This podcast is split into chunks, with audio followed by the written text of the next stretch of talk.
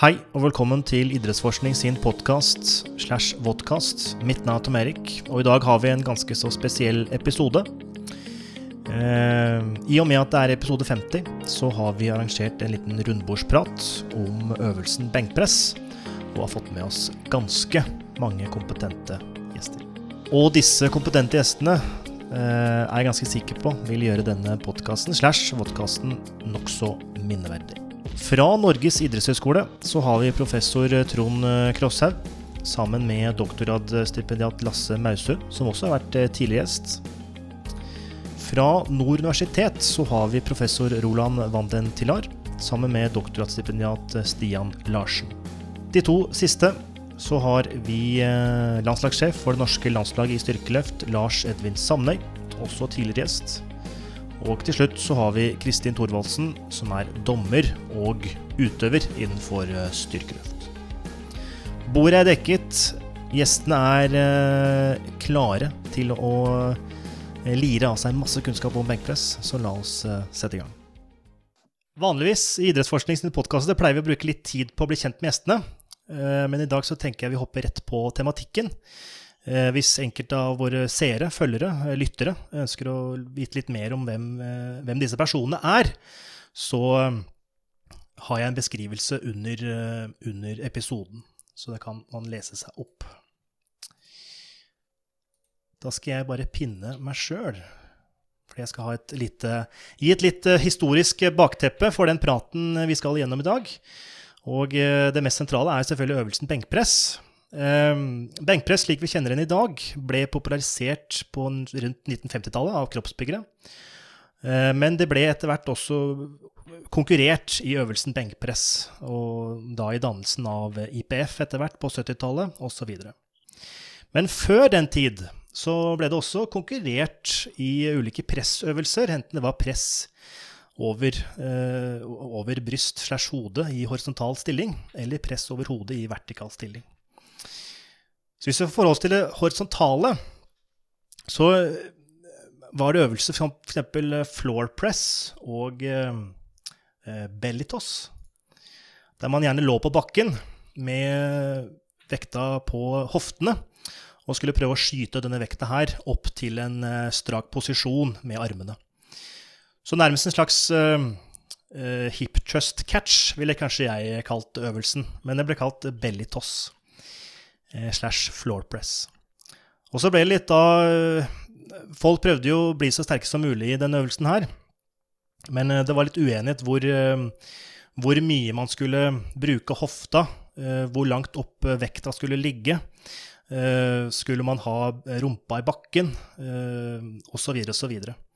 Og etter hvert så begynte jo folk å svaie innmari mye. Slik at høyden på Høyden på magen ble jo nærmest høyere enn hva du kunne strekke armene ut. Så det var veldig enkelt å få vekta fra magen til armene. Så øvelsen ble nærmest litt meningsløs etter hvert. Så da ønsket man å få det litt, eh, litt striktere. Uh, ja, her ser vi da en utgangspunkt, i eh, utgangsposisjon til floor press.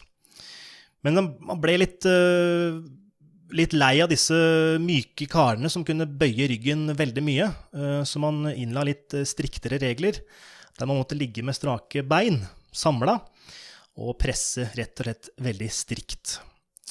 Så eh, fra å løfte 160 kilo ca., tror jeg, i bellytoss, til å løfte rundt en 425 kilo for herrer og 235 kilo for kvinner i benkpress, så er det uten tvil at øvelsen benkpress har tatt store steg prestasjonsmessig og bevegelsesmønstermessig. Så det er jo, eh, når man går inn på et treningssenter i inn- og utland, så er det jo uh, uten tvil uh, at benkpress er en populær øvelse. Der det blir gjerne fasilitert for det å utøve benkpress med benkpressstativ og benker osv. Men mitt spørsmål til dere her inne eh, vil være hva er det som gjør denne øvelsen her såpass populær? Kristin, vær så god. Tusen takk. Ja, nei, altså eh, Jeg vil jo påstå at benkpress er om det ikke er en sånn human universal, så er det i hvert fall blant folk som trener et sånt felles referansepunkt som nesten alle som har vært inne på et gym, kan forholde seg til.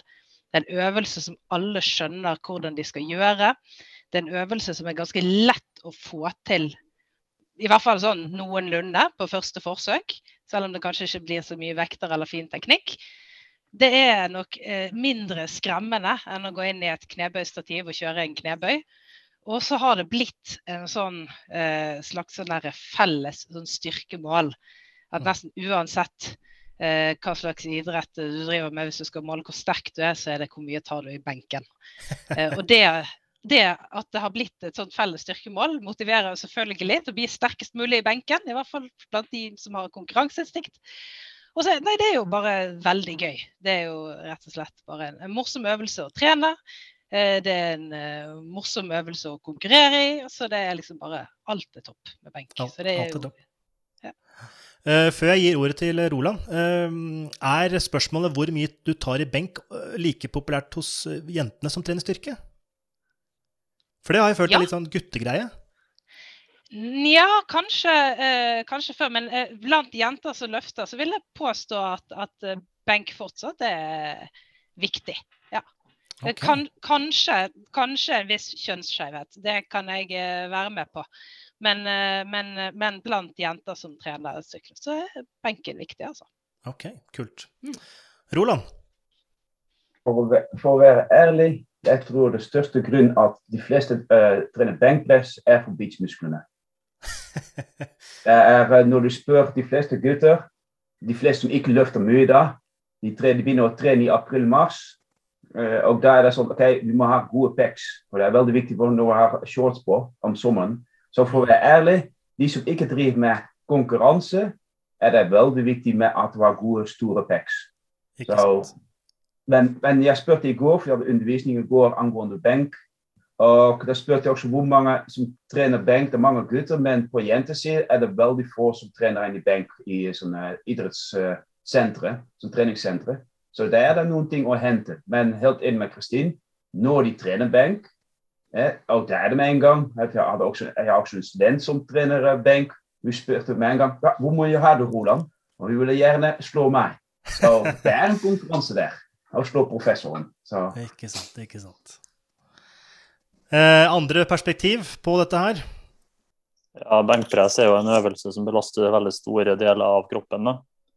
Belaster brystmuskulaturen, skuldermuskulaturen, eh, til en viss grad bicepsmuskulaturen i nedoverfasen, og selvfølgelig triceps eller baksida av arm. Da. Så en veldig sånn, effektiv øvelse for å få most bang for the bucket. Da. Mm. Ja, absolutt. Klassisk flerleddsøvelse for overkroppen. For, hadde... ja. ja. beklager, Stian. Ja, for folk flest så tror jeg det er en veldig tidseffektiv øvelse. Eh, for, eh, fra et muskelvekstperspektiv, så for avanserte kroppsbyggere er jeg ikke like sikker. Det er en optimal øvelse, men eh, det kan vi ta en diskusjon på siden. Ja, absolutt. Trond? Ja, uh, helt enig i tidligere betraktninger her. Uh, det er jo et poeng at uh, benken er kanskje den overkroppsøvelsen der man kan løfte mest. Så det er, det er, litt moro å kunne se at man kan legge på litt, litt vekter på den stanga. Så det er noe som, som trigger liksom, at det blir, litt, det blir litt kilo ut av det. Så mm. det, det er jo moro å, å se også. Uh, Lars Edvin? Ja, jeg tror jo også at uh, i og med et styrkeløft der har du også anledning til å konkurrere bare benkpress. Og det er veldig mange som klarer å kombinere benkpress med veldig mye andre ting. Altså mye andre atletiske ting. Hvis du er en turner f.eks., så er det jo eh, kort vei til benkpress. Det er mange som kommer fra kanskje eh, bryting f.eks. Altså de kommer fra kanskje enda mer belastende sånn støt-kontaktidretter og blir litt sånn forslått og sånn. Og da for, de, for den type utøvere kastutøvere som har lagt opp f.eks., så er jo benkpress et naturlig forlengelse av deres idrettskarriere. De har allerede muskulaturen på plass, og så kan de fortsette å drive med eh, altså Du kan jo trene underkroppen med, gjennom løping, sykling, svømming, eh, diverse. Så det, det, lar seg jo kombinere også med veldig mye annen aktivitet. Så det er eh, veldig mange som, som driver bare med benkpress, men, men, da gjør de samtidig veldig mye annet ved siden av. Eh, når du skal trene tung knebøy markløft, så, så, er det kanskje litt større restriksjoner på hva du kan gjøre eh, dagen før, da, kan du si. Mm, mm. Veldig bra. Danner et fint, uh, også et fint bakteppe for det vi skal prate om i dag. Og da tenker jeg første segment, første tematikk, felt osv. Vil være teknikk. Så hvis jeg skal spørre forskerne her inne fra et biomekanisk ståsted, finnes det noen best måte, eller beste måter å løfte på? Um, ja, det er litt avhengig. Hvis du driver med styrkeløft som konkurranse, da er det begrenset angående dette at man har en uh, markerte stopp. Men hvis du trener for å bli sterkere, er det egentlig best egentlig å gå så fort som mulig ned, som du klarer det. Ikke for fort, for ellers kommer det ikke opp mer. Mm. Men det hvert fall som vi har vist med forskning, er det egentlig best å gå så fort som mulig ned og uten maks, maks effort opp. Uansett hvilken vekt du har, alltid maks. Og når det er helt på toppen, da kan du ha hvile. Men jeg vet at styrkeløftere har vi har testet styrkeluft og de som bare trener vanlig benkpress. At styrkeløftere har litt annet uh, tradisjon, ser det sånn ut. At de går litt tregere ned.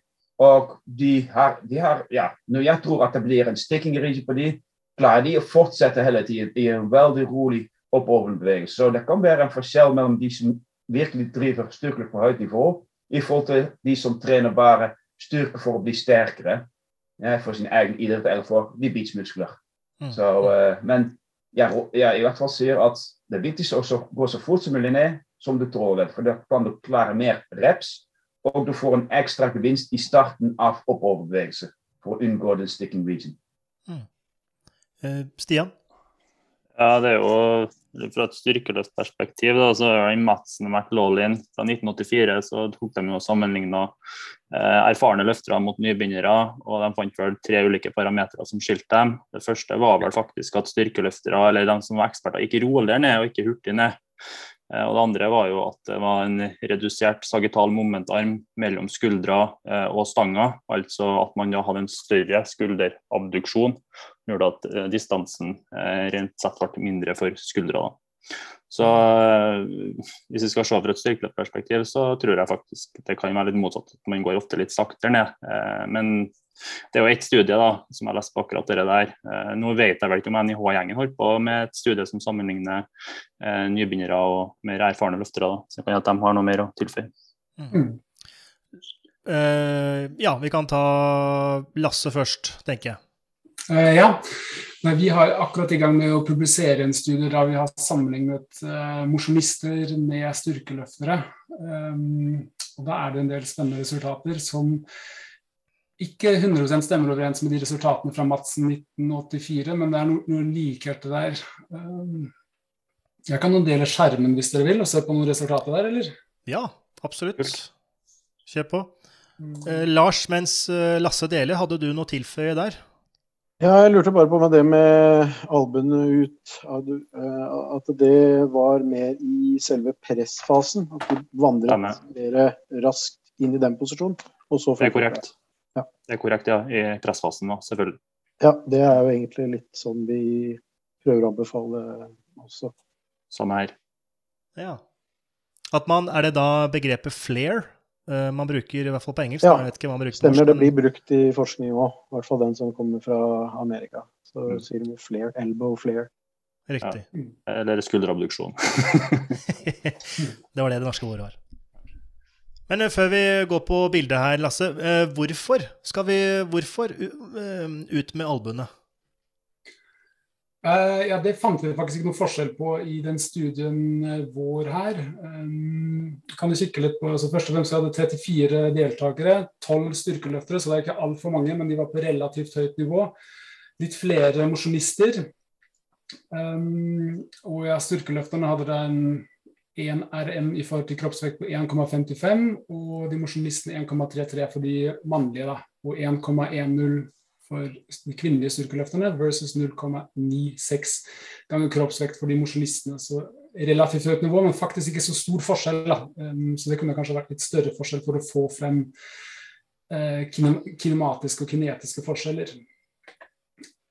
Og så sammenlignet vi da en benkpress med en middels grepsbredde, som var standardisert basert på biakromial uh, avstand.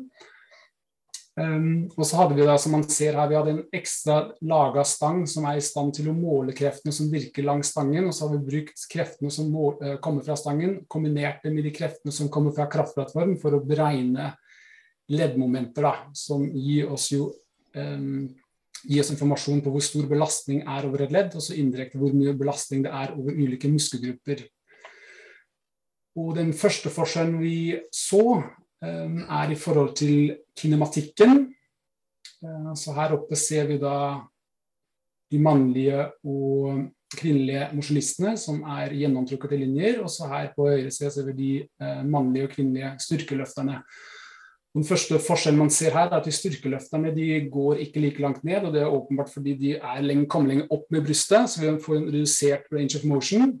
Og vi ser også at de løfter eh, lenger ned på brystet, så at de får en større horisontal eh, forflytning da, eh, når de senker stanga ned.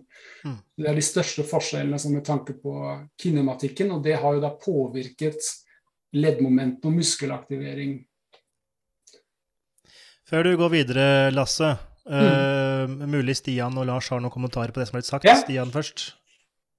Ja, nei, Spennende, spennende det der. da. Uh, første tanken er jo det var kanskje ikke så stor forskjell mellom de godt trente og de utrente i studiene her. Uh, ja. Eller, Det var jo det første jeg la merke til når jeg så på ratioene. Og så andre er jo at ja, de ser ut til å plassere stanga litt lenger ned horisontalt, men er ikke kan det skyldes oppspennet eh, i større grad? Eh, jeg vet ikke. Og jeg ser jo at prosentvis forflytning så er vel større for de godt trente enn de utrente. Rent horisontalt. Um, jeg er usikker på om det skyldes oppspenning. Jeg tror bare de senker den litt, litt lenger ned, uh, okay. av oppspennet. Okay. Um, men ja, det, det, første du sa, det er jeg helt enig, så det var jo ikke så stor forskjell mellom styrkeløfta og mosjonistene. Så mosjonistene var jo relativt sterke her, da. så det er jo men, men, du sa du brukte et medium bredt grep. Eh, alle styrkeløfter bruker stort sett 81 cm, så da var du kanskje inn på 72 cm. Så jeg tipper at forskjellen hadde vært litt større hvis de hadde fått brukt konkurransegrepet sitt. Ja. Det er jo da egentlig oppspenn fungerer også mest effektivt, for du har ikke mm. det samme behov for å avlaste brystet med medium bredt grep. Da. Så, mm. så jeg tror effekten kunne vært større hvis de hadde holdt bredt grep. Mm.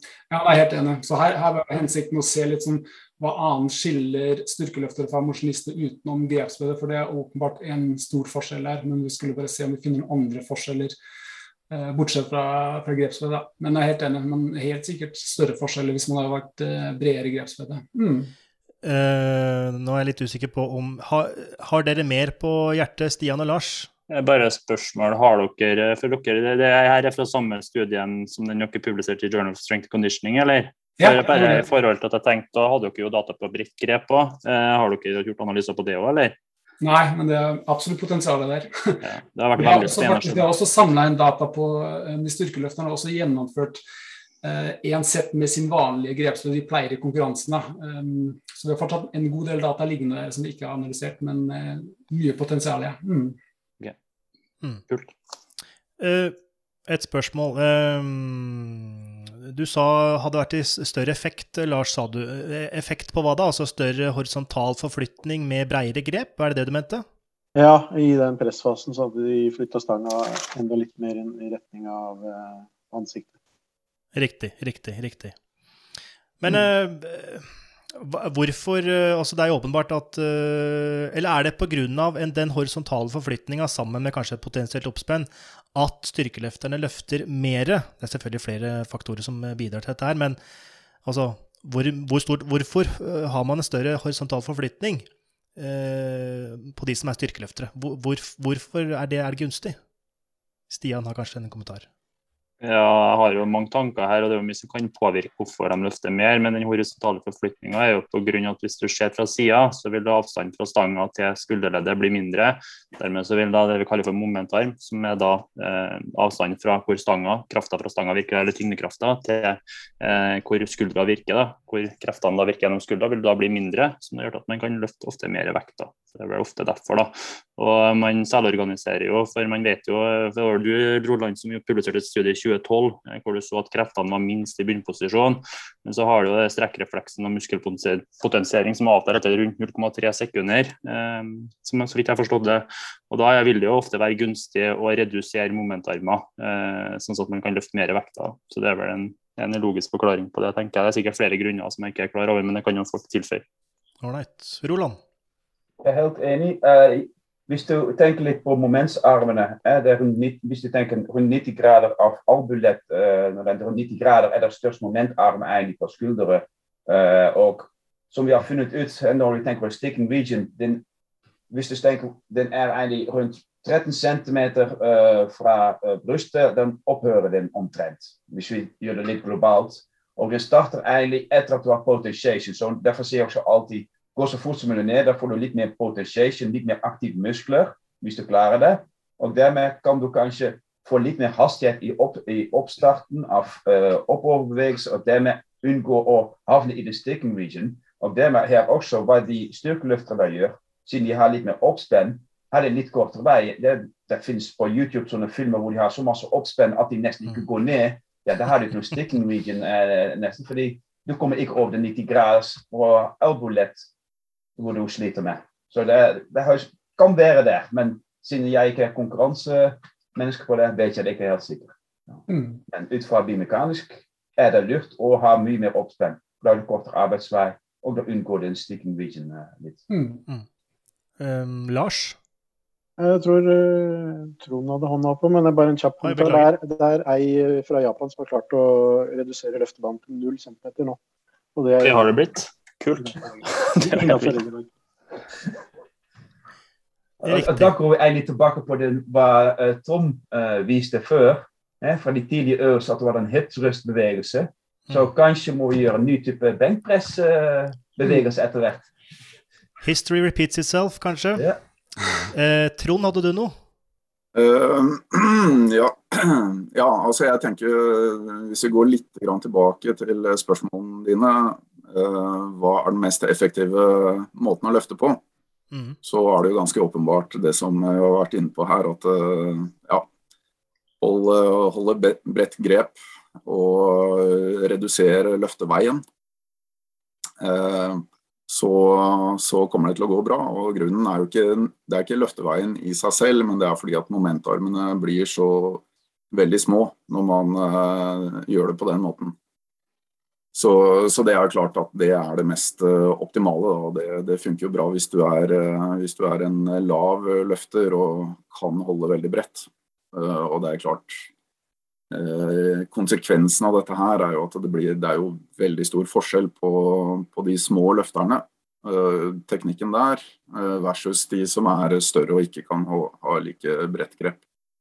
det er jeg tenker det er, det er, interessant å se, se litt forskjellige typer teknikker. Det var jo inne på Det ble jo nevnt her i, i disse innledende spørsmålene som du sendte rundt.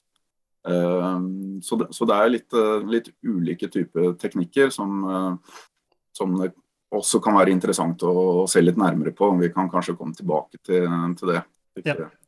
Før jeg gir eh, ordet til Stian og Lasse, så har jeg lyst til å spørre utøver-trenersida litt. Um, når dere enten utøver eller lærer bort øvelsen benkpress, eller gir tips og den slags, er dere bevisste på at man skal spenne opp, korte ned arbeidsveien og at man senker, senker, vekta ikke rett ned, men ja, horisontal forflytning. Kristin? Ja, ja, altså dette med oppspenn er jo helt åpenbart viktig. Og, og, det er definitivt en av de tingene som benkpressere bruker en god del tid på å jobbe med. Altså De jobber med å, å, optimalisere oppspennet sitt, de jobber med å på en måte løfte mest mulig effektivt med best mulig vinkler. Samtidig så tenker jeg at særlig når man har nybegynnere, eh, så er det viktig at man ikke ser seg helt blind på de aspektene ved utførelsen. Altså, og at man ikke nødvendigvis gjør alle disse løftene med disse ekstreme oppspennene.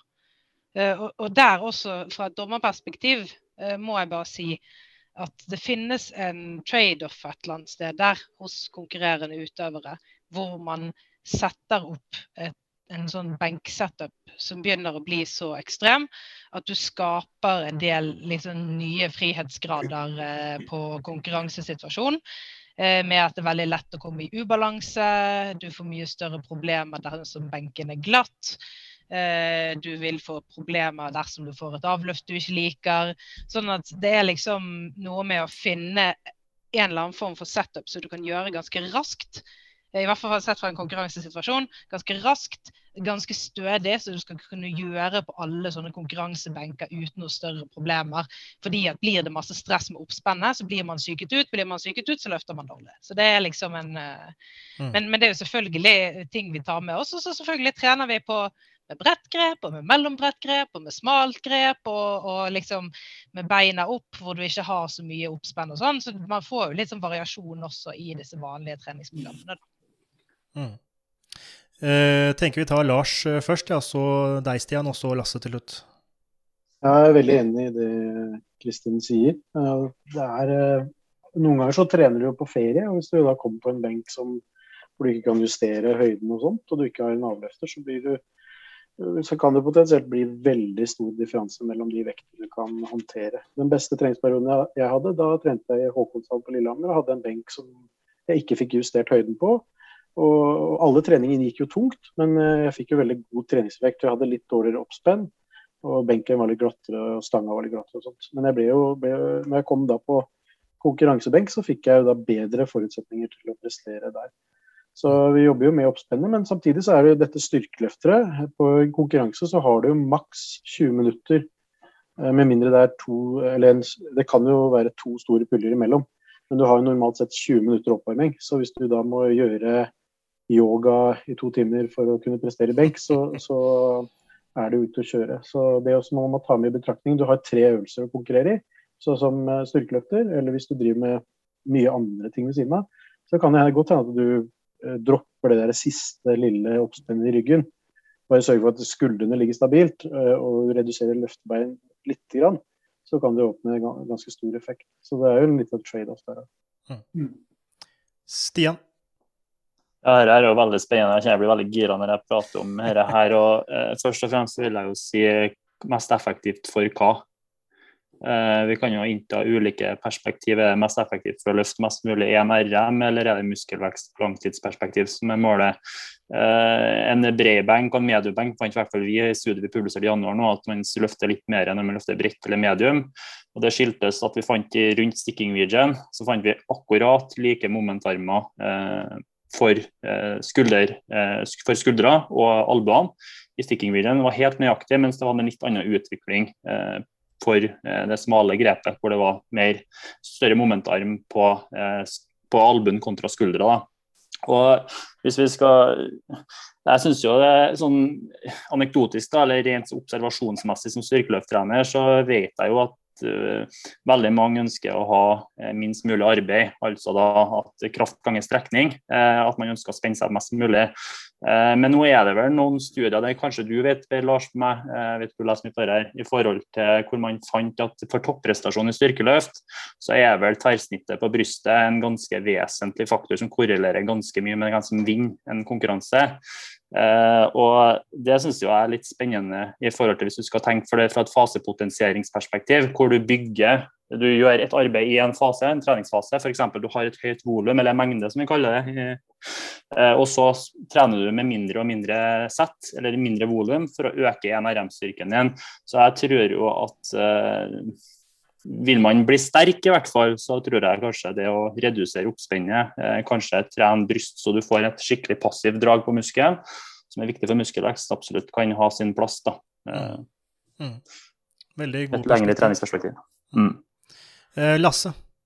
Mm, ja, jeg er helt enig i det Stian sier. Eh, veldig avhengig av hva målet er med benkpress. Om man skal løfte så mye som mulig, eller om hypotrofi er eh, målsetning. Eh, men jeg skulle egentlig bare følge opp med det vi fant i den studien her, i forhold til eh, hvordan kinematikken påvirker kinetikken. Da. Og det vi fant her, det er jo siden de har løftet, har en kortere vertikal forflytning og får flyttestanga lenger ned på brystet, så fant vi da um, Dette her i forhold til leddmomentene. Så i all hovedsak fant vi at leddmomentene over albueleddet var litt lavere for styrkeløfterne sammenlignet med mosjonistene, samtidig som leddmomentene over skulderleddene var akkurat identisk.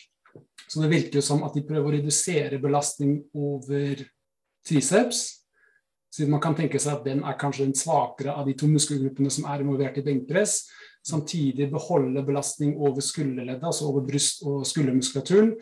Og at det kan kanskje være med på at de klarer å løfte mer. Da. Så det var litt den tanken vi hadde bak det. Er normalisert momenter, eller? Ja, det er normalisert. Ja. Mm, det er normalisert i forhold til det de løfter, og, og momentarmen er normalisert i forhold til armlengde. Mm. Mm. Skal vi se, da tror jeg Roland uh, er neste. Ja, well, jeg tenker litt som, som også Stian sa, hva er målsetning? Jeg kommer da selv fra friidrett og fra håndball. Og eens hvorfor jeg gjør benkpress, er egentlig for å bli sterkere. For kanskje for kulestøt og for uh, de andre kastøvelser og for i håndball å kunne tåle litt mer. Så, men det, med, det har jeg egentlig spørsmål til de uh, styrkeløftere. Den oppspenn. Jeg bruker ikke oppspenn. Jeg ligger alltid med ryggen helt flat rimelig flat. Eens wat jij gjør noen ganger, jeg, får, jeg har ikke, ikke lovlig løfter. Noen ganger løfter jeg hoften min opp. For jeg syns det er litt mer behagelig, i stedet for å ha en spenn i ryggen. Uh, jeg lurer litt på, er det mange som får skader med en oppspenn? Her, siden de trener masse med oppspenn. Du ser det, som jeg sa tidligere, dette med på YouTube. Mange som har en skikkelig ekstrem oppspenn. Uh, jeg, jeg, tror selv den erector spinae det må være skikkelig sterk. Og hva mage vet jeg da ikke hvordan det skal være. Jeg bare lurer litt på hvordan er det med styrkeløfter med en oppspenn. Er det så mange skader pga. en oppspenn? Eller, ja, fordi Hvis jeg tenker på friidrett, jeg til mine utøvere Nei, oppspenn det gjør vi ikke. Vi gjør det helt flatt, fordi jeg vil gjerne at du trener den pectoralis og den triceps. Mm. Ja, og magen, men ikke ryggen. For det gjør vi på andre øvelser. Så jeg lurer litt på med det, de som driver aktivt med styrkeløft. Ja. Et, mulig Kristin var først. Kristin, vær så god. Takk. Eh, nei, altså for å være helt ærlig, fra mitt perspektiv, både for som utøver og, uh, og for så vidt også sånn hobbymosjonist før jeg begynte med styrkeløft, samt på de som jeg har trent og trener sammen med, så er mitt inntrykk snarere tvert imot. At et uh, moderat oppspenn i benk skåner skuldrene, og gjør at uh, du ofte tåler mer benk enn du ellers ville ha gjort. Mm. Altså, fordi Det har jeg fått inntrykk av når jeg forteller folk uh, som uh, ja, Når jeg diskuterer benk som jeg, så ofte som jeg overhodet kan, f.eks. i lunsjen på jobb, så er det sånn Oi, trener du benk fire-fem ganger i uken? Sant? Hvordan kan det gå an? Men, men da det å ha liksom den altså skåne skuldrene og sånne typer ting, jeg, jeg, tror jeg er en del av det suksesskriteriet. Selvfølgelig, hvis det er veldig sånn ekstreme oppspenn og sånne typer ting, så blir jo det en, en annen sak, da. Men, eh, men, jeg har ikke hørt om folk som har fått plager knyttet til det. Jeg har aldri, aldri kjent på det sjøl som utøver. Altså er ikke jeg blant de mest ekstreme, da. Men eh, ja. Eh, Lars? Jeg kan jo si Fra min eget ståsted så har jeg uh, vært en av de som har henta mest på å spenne seg opp. Jeg hadde, ikke, hadde veldig bra oppspenn. Det var jo også en relativt lav uh, fyr som veier over 100 kg, så det er klart jeg hadde også en, et bra volum i rygg og, og, bryst, så jeg hadde jo kort løftvei. Og jeg kan per dags dato nå ikke kjøre noen form for benk, for det, det å kjøre med flatt og få det strekket på brystet, det, det, fungerer ikke for meg. For jeg har trent muskulaturen i den posisjonen der hele tida. Så når jeg ligger flatt sånn og skal prøve å benke, så må jeg ned på 30% belastninger. Altså det, det, klarer jeg ikke. Og jeg klarer heller ikke å ligge med beina i bakken lenger, men det er relatert til eh, tidligere eksisterende ryggproblemer. Men, men, de to faktorene gjør at jeg ikke kan gjøre noe form for benk noe annet enn skråbenk, hvor jeg ligger, eh, ligger helt eh, nøytral i ryggen. Så, det, så, hvis man har et eksisterende ryggproblem, så vil eh, så vil eh, oppspenn potensielt eh, skape problemer ned i korsryggen. Mm. Hvis man tar ut mye av mobiliteten der. Man har jo selvfølgelig mulighet for å velge en strategi hvor man er mye flinkere til å ta ut mobiliteten i, liksom brystryggen.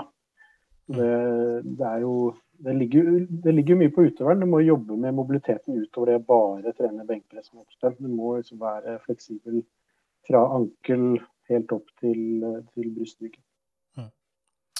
Eh, Trond? Ja, takk.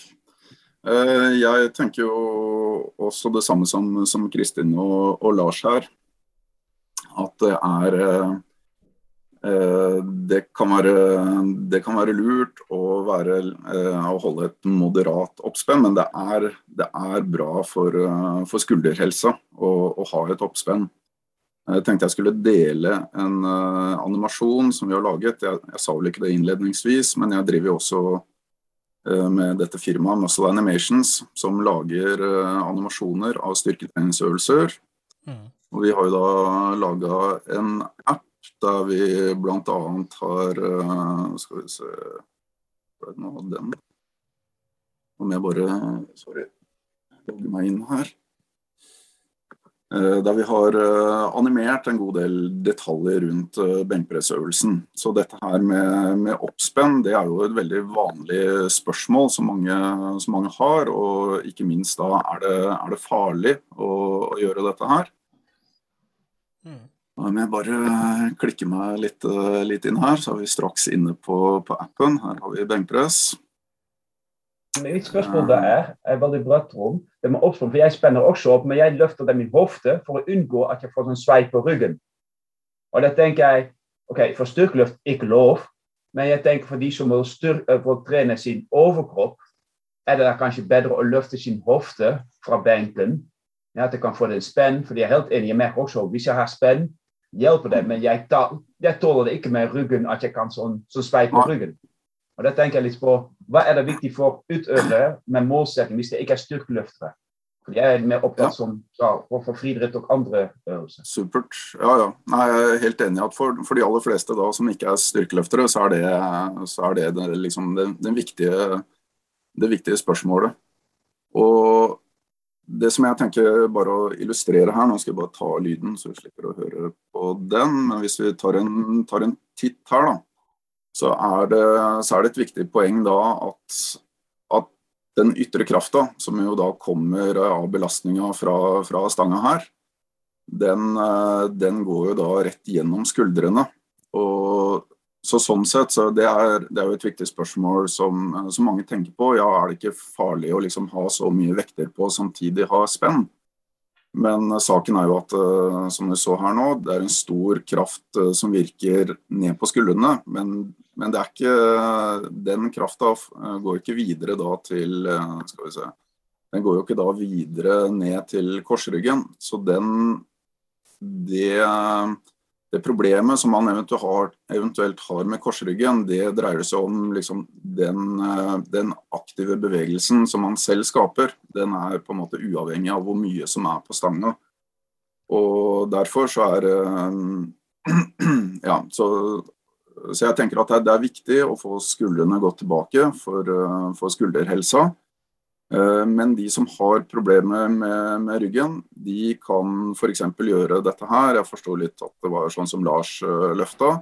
Eventuelt så kan man ha beina plassert oppå et eller annet uh, stabilt objekt her, da, for å, for å, unngå å få så mye svar. Som kan være problemer for, for noen av de som, som måtte ha ryggproblemer. Og det er jo en del av oss som begynner å dra litt på åra. Veldig fint. Uh, Stian? Ja, uh, først og fremst veldig kul eh, app og uh, av Trond. Det så var jo kjempetøft og skikkelig pedagogisk fremstilt. Og jeg tror I forhold til Roland sitt spørsmål, da, så vil jeg jo det med, Vi må kanskje skille litt med oppspenn av nedre rygg og det med en retraksjon av skapula, hvor du får mer stabilitet i øvre del av ryggen. Jeg tenker jo også da at det, er en sånn spekulasjon jeg har gjort meg, men hvis du hele tida hvis du benker seks dager i uka da, og du spenner opp maksimalt ryggen eh, så det er jo egentlig et lite spørsmål til Lars også, som har mer praktisk erfaring. Eh, så tenker jeg det vil jo kunne generere en utmattelse på ryggsøyla, som igjen kan gå utover det totale volumet, f.eks. i mark og bøy. Jeg vet ikke. Jeg vet jo at i mark og bøy så har man en naturlig fleksjon, mens her er det jo en større ekstensjon igjen. Eh, så har du noen erfaringer med det? Jeg har jo coacha en utøver sjøl som ikke har sjanse til å ekstendere ryggen. Eh, og Pga. det så må hun ligge flatt til benke, eh, men hun har ikke noe problemer igjen med eh, fleksjonsbevegelser i, i, i mark og bøy. Eh, så jeg vet ikke hva du tenker om det? Nei, Jeg tenker jo egentlig at det er veldig mange i Norge som har løfta både bøy og mark med ekstensjon. Mm. Og hatt mye fokus på det. Eh, så det blir ekstensjon i knebøy, og det blir ekstensjon i benkpress, og det blir ekstensjon i markløft. Um, det er mer populært i nyere tid å kjøre stanga lenger ned, komme lenger fram og starte med mer overheng på skuldrene i markløft. Uh, så det, det, å være i fleksjon er, er mer aksept for det nå. og Det kommer mye av utstyrsløftinga, hvor du ikke har noe støtte i draktene som kan holde deg oppreist. Da må du plassere kanskje ryggstrekkerne i den mekanisk sterkeste posisjonen, som er med litt, eh, litt fleksjon. Da, sånn. Eh, bare spørsmål, eh, Spørsmålet var her i forhold til et langtidsperiodiseringsperspektiv. Hvis du har en utøver som ekstremoppspenner benkpress, har du merka noen gang at du må for kjøre litt lavere volum i andre øvelser som belaster ryggen? ja, altså vi, Hvis vi får problemer med ryggen, så, så, så, er det kanskje ikke benkpress som vi tar ut først. Da kanskje de øker mengden i benkpress, og så kutter de ned i, i uh, knebøy og markløft. Men det kan jo hende at benkpress også kan potensielt påvirke ryggen også for noen. Ja. Så, men uh, hvis du skal benke mye, de, de, som benker mest og har størst frekvens, er de som har størst oppspenn. Mm. Og de, de, som har stort oppspenn, det blir en så spesialisert øvelse at da kjører du nesten aldri med smalbenk, nesten aldri mediebrett. Da er det bredt grep. Mm. Kanskje kjører du med kloss og strikk. Det er avlastningene. Og så kanskje kjører du noe uh, offseason med hantler uh, og bein opp, f.eks. Mm. mm. Men de som har et godt oppspenn, de må øve på det veldig ofte. Og de må kjøre tungt med den teknikken. Ja, for for, for dere der syns jeg er veldig spennende du snakker om det. For jeg, jeg tenker jo at uh, det finnes jo folk som er uh, som har erfart som er mekanosensitive. Sensitive. De får irritasjon da, i ryggen med et ekstensjon av kolumner eller ryggsøyler.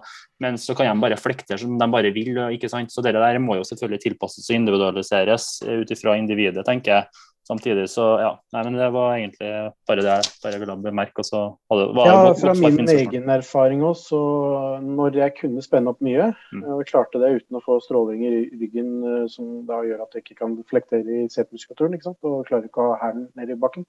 Mm. Når jeg klarte det, og spenne opp mye, og det gjorde jeg over mange år, så kunne jeg benke hver eneste dag. Eh, det var ikke noe problem. Og i seinere tid så har jeg mista oppspennet, og frekvensen da ble lavere og lavere. Jeg ble mer og mer sår brystfesten og sånne ting. Så det, men det er bare en ren anekdote fra mitt. Ja. Eh, Trond, hadde du noe mer?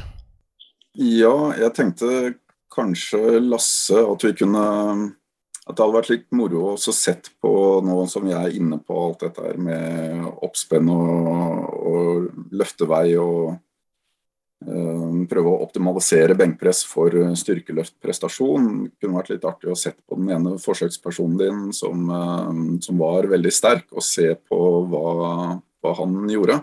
Ja, kult. Har du den uh, foran deg, eller? Uh, ja, skal vi se Her er den. Så det var en av de forsøkspersonene som var med i studien vår. Um, så han løfta jo 150 kg her med bred grep. Um, og her ser vi jo, så her ser vi jo da kraftvektoren um, Oi. Som er den blå linja, og så ser vi momentarmene, som er den oransje linja. Så vi har både en eh, momentarm til skulderleddet og en til albueleddet. Mm. Og vi ser jo at han gjennom hele benkpressøvelsen har han relativt små momentarmer til, eh, til albueleddet. Um, hva var det spesifikt du tenkte å snakke om? Var... Ja, Bare ta figuren tilbake og stopp pause i bunnposisjonen. Ja. Det som mm, Ja, det, det, er jo åpenbart, for du ser jo her at uh, overarmene de, de, kommer aldri ned til parallell, egentlig. Uh, hvis jeg ikke tar helt feil. Ja, det stemmer. Og Og det som, eh, det som, man også kan legge merke til, det er at eh, når man tegner opp momentarmene, så, så ligger den på en måte på undersiden av eh, overarmen. Og det betyr at denne personen her, han kommer egentlig aldri ned til det mekaniske stikkingpunktet, fordi mm. han har en mm. veldig god teknikk i forhold til prestasjon, eh, altså styrkeløftprestasjon. Så det, det, er klart det, Jo høyere oppe den stanga der eh, snur, desto kortere blir momentarmene, og desto høyere, desto mer kan man løfte. Mm. Og det er klart, eh, for enkelte, nå jeg vet ikke hvor mange eh, grader eh, eh, dette er i albueleddet, eh, men det er jo, vi ser jo eksempler på, på løftere som har enda strakere armer enn det det er der, faktisk, Mm. i, eh, i bunnposisjon. Og Da er det klart at da, da blir momentarmene mindre og mindre, man kan løfte mer og mer på den måten. Eh, Lars? Ja, nå kommer vi kanskje inn på det seinere, men det var jo snakk om eh, Det var mange som lurte på eh, hvorfor de tyngste kanskje holdt litt smalere. Og det kan jo ha med at de aldri kommer eh, høyt nok opp pga. benken, eh, altså høyden på benken, og hvor de kan plassere beina sine, så de får aldri bygd opp nok bru til å unngå eh, eller oppnå den samme effekten. At de aldri er nede på det mekaniske svakeste punktet. Mm. Det kan jo være, og da må de plassere muskulaturen nærmere optimal muskellengde, da, Mm. tenker jeg. Jeg vet ikke hva innspill på det, dere som, som kan dette. Eh, Roland? Ja, da kommer jeg igjen med, med Når jeg hører på dere, eh, som Lars også allerede med, eh, sa, i konkurranse de som har det best oppspenn, de løfter mest. Og Da tenker jeg OK, er det da rettferdig, den, den øvelse? At eh, Det står i regelverket du får lov til å ha oppspenn, du får lov til ha masse oppspenn. Og som også allerede Trond sier på her, han som er veldig flink, han går ikke under horisontale med, med, med albue. Og da tenker jeg, men er det da rettferdig en som ikke er så flink pga. han er begrenset i sin ryggsøyle? At han ikke har så mye oppspenn, at han derfor ikke har løftet så mye, for han må lenger ned. Og eh, når du sa at en hadde en uh, løftebane på 0 cm, som uh, Tom sa det, eller Da tenker jeg eh, I styrkeløft må vi kanskje da tenke nytt for å se ok, men kanskje vi får lov til å ha oppspenn, men til en viss måte. Jeg vet ikke, jeg bare uh, lurer på det, siden jeg er ikke involvert i det. Men jeg bare ser på den rettferdighetsprinsippet da, på, i, en, uh, i en idrett som, som jeg hører nå, sånn, ja, det er litt urettferdig. Det som er mest oppspent, kan løfte mer. Jeg vet ikke. Jeg vil bare, Mm. Mm. bare prøve å diskutere den. Eh, hvis Kristin er med oss, kanskje ikke. Men uh, la oss ta Lars, har du noen tanker på det i forhold til rettferdighet? Du sa jo null centimeter i stad, og det, det høres Ja. ikke så rettferdig ut uh, ut fra mine ører. Nei, men, men ja. Det kan jo kanskje hende at det at man har en sologren som heter benkpress, det gjør at det blir en urettferdighet. Men når man konkurrerer styrkeløft, så, så vil jo den spesialbenkeren få problemer igjen i markløft. da. Så kanskje det jevner seg ut når man har tre forskjellige grener. Men, eh, men jeg tror at eh, Jeg tror ikke Det internasjonale forbundet ønsker at noen skal komme og løfte eh, null centimeter. Og det er, det er veldig mye kommentarer på nett. Alle de rekordene som er satt med de ekstreme oppspennene, da, da er det mange som, som reagerer sterkt. Og så har vi en benkpressrekord i 66-kilosklassen som er høyere enn i 74 og 83. Og det er naturstridig. Da er det noe som er litt galt med, med tekniske i den grenen. For En som er 74 kilo har en langt høyere kapasitet til benkpress, egentlig. Og det er jo gode, altså Benkpress er en populær øvelse, så vi har utøvere i Og 74 kilo er en helt normal vekt, så der finnes det jo veldig mange Det er en stor populasjon. Så, så det er litt eh, Det er noen som har klart å å, og pushe grensene såpass langt at jeg tror det kan være behov for noen form for regulering. Men hva eksakt det skal være, det er jeg litt usikker på. Jeg tror jo som sagt at hvis du har en som er veldig veldig god med bra oppspenn, så vil jo den utøveren ha gode forutsetninger uansett reglement. Så kanskje rekorden faller 20 kg, men da faller den jo 20 kg for hele startfeltet, kanskje. Eller, ja. eller den personen kanskje vil være best uansett. Tror vi tar Kristin først, ja. Eh, Få utøver dommerperspektiv på dette med rettferdighet og benkpress. Jeg veit at eh, Trond, du var, du var der, men eh, Kristin tok først i stad, før hun forsvant. Ja, jeg beklager. Jeg, te- jeg, jeg bare tenkte at jeg kanskje kunne dele et bilde. Jeg tror jeg har en, eh, Ja, gjør det. et For å få bilde av denne karen som, eh, som Lars snakka om. Eh, Så, så skal Kristin få, få ordet. Skal vi se, der er det, stemmer det at det er denne karen her, Lars? Ja, Eddie Berglund. 221 kilo i 66-klassen. Har gjort det 232 i 74. Uh, yes. Så hvis eh, videoen spilles av eller eh, et eller annet, eh, så kan du, du gi din mening, eh, Kristin. Ja, jeg, jeg, tok ikke videoen her, bare, det er bare bildet. Men jeg har okay. noen andre bilder nedover her da, som går an å kikke på. Ja. Mm. Nei, altså Fra et sånt rettferdighetsperspektiv så, så må jeg innrømme at min sånn dommertilnærming der er litt sånn firkanta. Altså, reglene er det de er. Eh, du vil alltid finne ting som er en fordel og en ulempe i ulike, i ulike grener. Når jeg står med hendene ned for siden, så er de omtrent i hoftehøyde. Det er helt åpenbart ikke noe fordel i markløft, men jeg får ikke lov å løfte fra kloss likevel. Altså, det er liksom noe med at vi har en del grunnleggende forskjeller eh, mellom oss. Og, og, litt av poenget med å konkurrere i tre øvelser er jo også at man kan se for seg at enkelte ting som er kanskje en fordel i en øvelse, muligens en ulempe i en annen. Når det er sagt, så har man jo gjort forsøk på å justere reglene også knyttet til dette her med eh, altså oppspenn og sånne ting. Eh, det ble fremmet et forslag om en regelendring for et par kongresser siden som ble stemt ned. Hvor det var f.eks. For foreslått at man skulle ligge flatt på benken i benk. Eh, og, og, når jeg hører om disse her diskusjonene som har gått uh, om dette veldig toss-greiene, og jeg hører at det er den samme diskusjonen som man har hatt siden benkpressens oppstart, skulle jeg til å si, igjen og igjen, så er det litt interessant å se, da. Men, uh, men også så tenker jeg litt sånn at, at det, dette tvinger seg litt frem. Og det er jo som, som Lars Edvin sier, altså hvis hvis det blir for ekstremt, så vil man få et push fra utøversiden, fra, eh, fra de ulike for, altså, særforbundene om at skal vi ikke se på å endre reglene. Og så får vi ta det derfra. Men i utgangspunktet så, så er nå reglene det de er. Og, og, så må man bare gjøre det beste ut av det og dømme etter ja, det regelsettet man har. Så jeg vet ikke om jeg syns nødvendigvis at det er noe mer urettferdig å ha et fordelaktig utgangspunkt i benk enn det det er å ha korte lårbein eller lange armer i markløft eller sånne ting. Det må jeg si. Ja, ja. Eh, Trond, hadde du noe mer? Ja, jeg, jeg ser jo, ser jo uh, poenget der at uh, sånn er det i all idrett. At man, uh, man har noen fordeler. Iboende. Folk er forskjellige. Noen, eh, noen, har bedre forutsetninger for å gjøre en øvelse eller en idrett enn en andre. Eh, men samtidig så tenker jeg at eh, når man ser f.eks. på dette bildet her, så, så, er det litt sånn som du sa i innledninga, Tom Erik. Har det noe mening mm. å gjøre dette, gjøre dette her?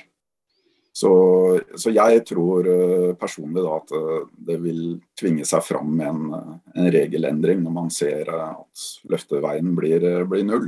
Da, da, har liksom ikke, da har ikke øvelsen så stor mening lenger. Mm, mm. Stian?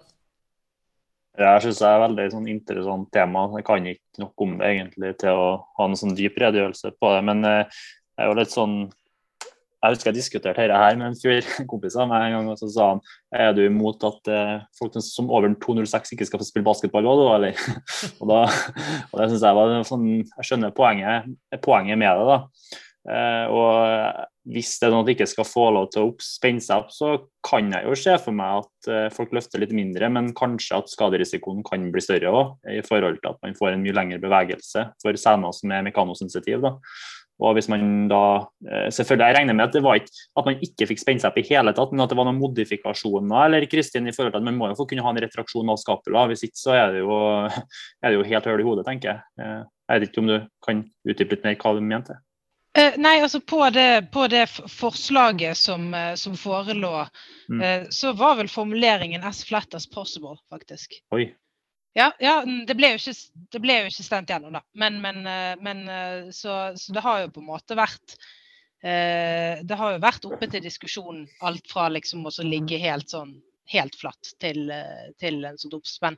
Problemet, og der ønsker jeg egentlig bare å kort, siden du spør, nevne en annen dommerproblemstilling som man fikk også knyttet egentlig til et regelverk, en regelendring som jeg også tenker er hadde i hvert fall delvis eh, noe med, eh, med, dette med oppspenn å gjøre, og det var regelen om mageløft.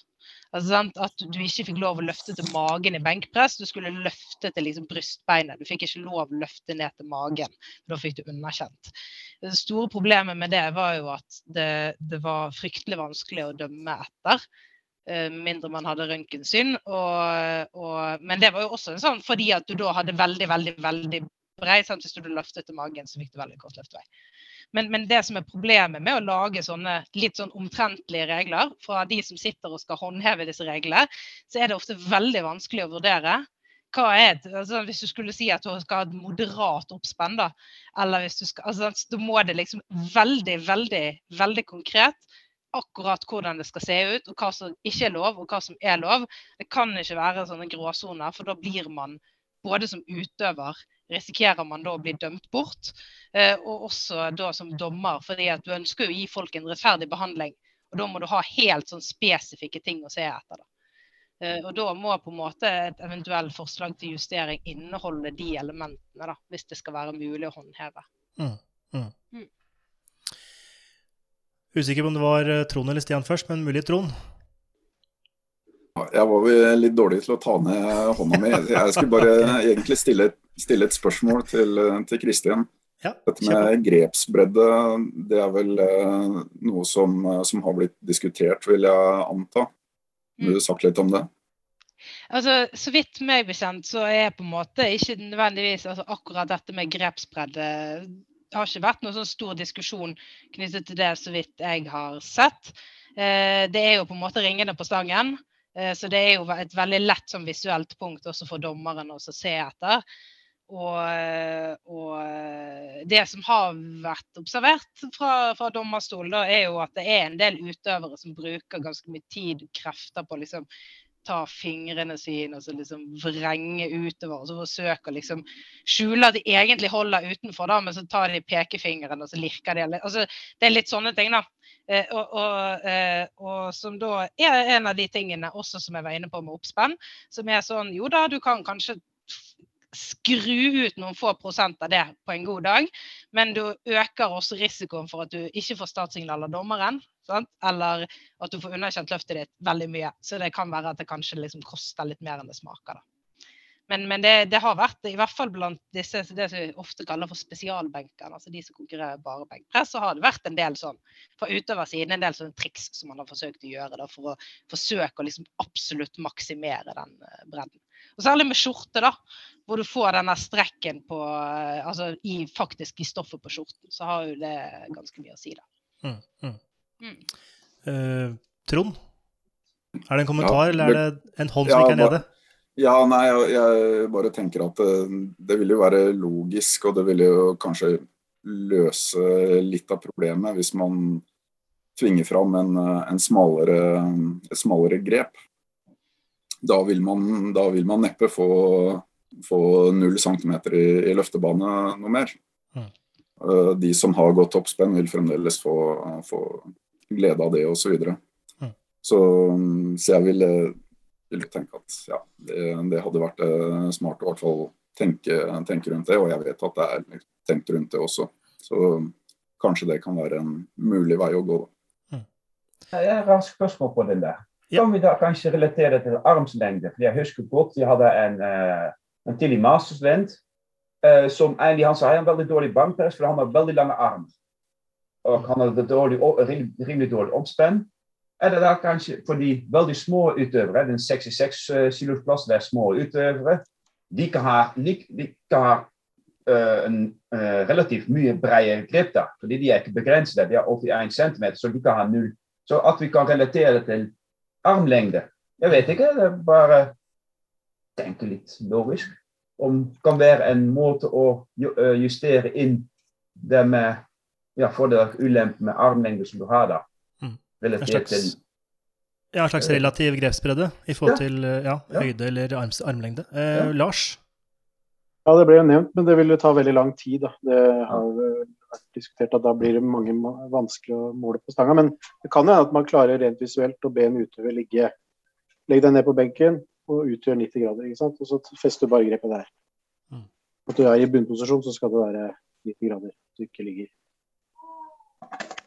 Ja, ja, riktig. For eksempel. Eh, Men eh, man kunne også kutta ut avløftet. Og man kunne forhindra dem å endre posisjon eh, fra de skal løfte ut. For det er en del som løfter hoftene. Eh, Ligger bare på nakken, har hofta opp, og så løfter de ut. Og så får du plassert rumpa lenger bak, fordi da har du jo belastning i armene. Så da blir du pressa ned i benken, så da klarer du å flektere enda mer. Eh, Pluss at det å løfte av med sånn veldig bredt grep, det blir veldig problematisk. Så jeg tror eh, det å fjerne avløftet og forhindre utøveren i å forflytte seg på benken fra den skal løfte ut og få snap-signal, det kan eh, gjøre at de verste oppstandene blir borte, tror jeg. For da vil de med veldig korte armer vil ikke klare å løfte av med bredt grep. Eh, Trond? Yes. Det, det hørtes ut som mange gode tanker der, Lars. Eh, som benkpressentusiast så, så tenker jeg at jeg vil gjerne ha en øvelse med, som, som gir mening. Så, så, derfor tenker jeg at ja, det tror jeg vil også gi litt mer kred til, eh, til sporten, da, hvis man, hvis man unngår noen av de ekstreme tilfellene som man, som man kan se. Mm. Eh, Men jeg tenkte bare jeg skulle dele, dele skjerm igjen, og så kunne vi diskutere litt mer her. Skal vi se. Fordi Skal vi se her Skal vi se. Dette er kanskje en eh, person dere kjenner igjen. Og så dette her Jeg, jeg, bare googla litt uh, kjapt i, i går, eller YouTuba lite grann. Mm. Her har vi navnet her nede, og ettersom jeg skjønte da, så var dette verdensrekord i uh, tyngste klassen.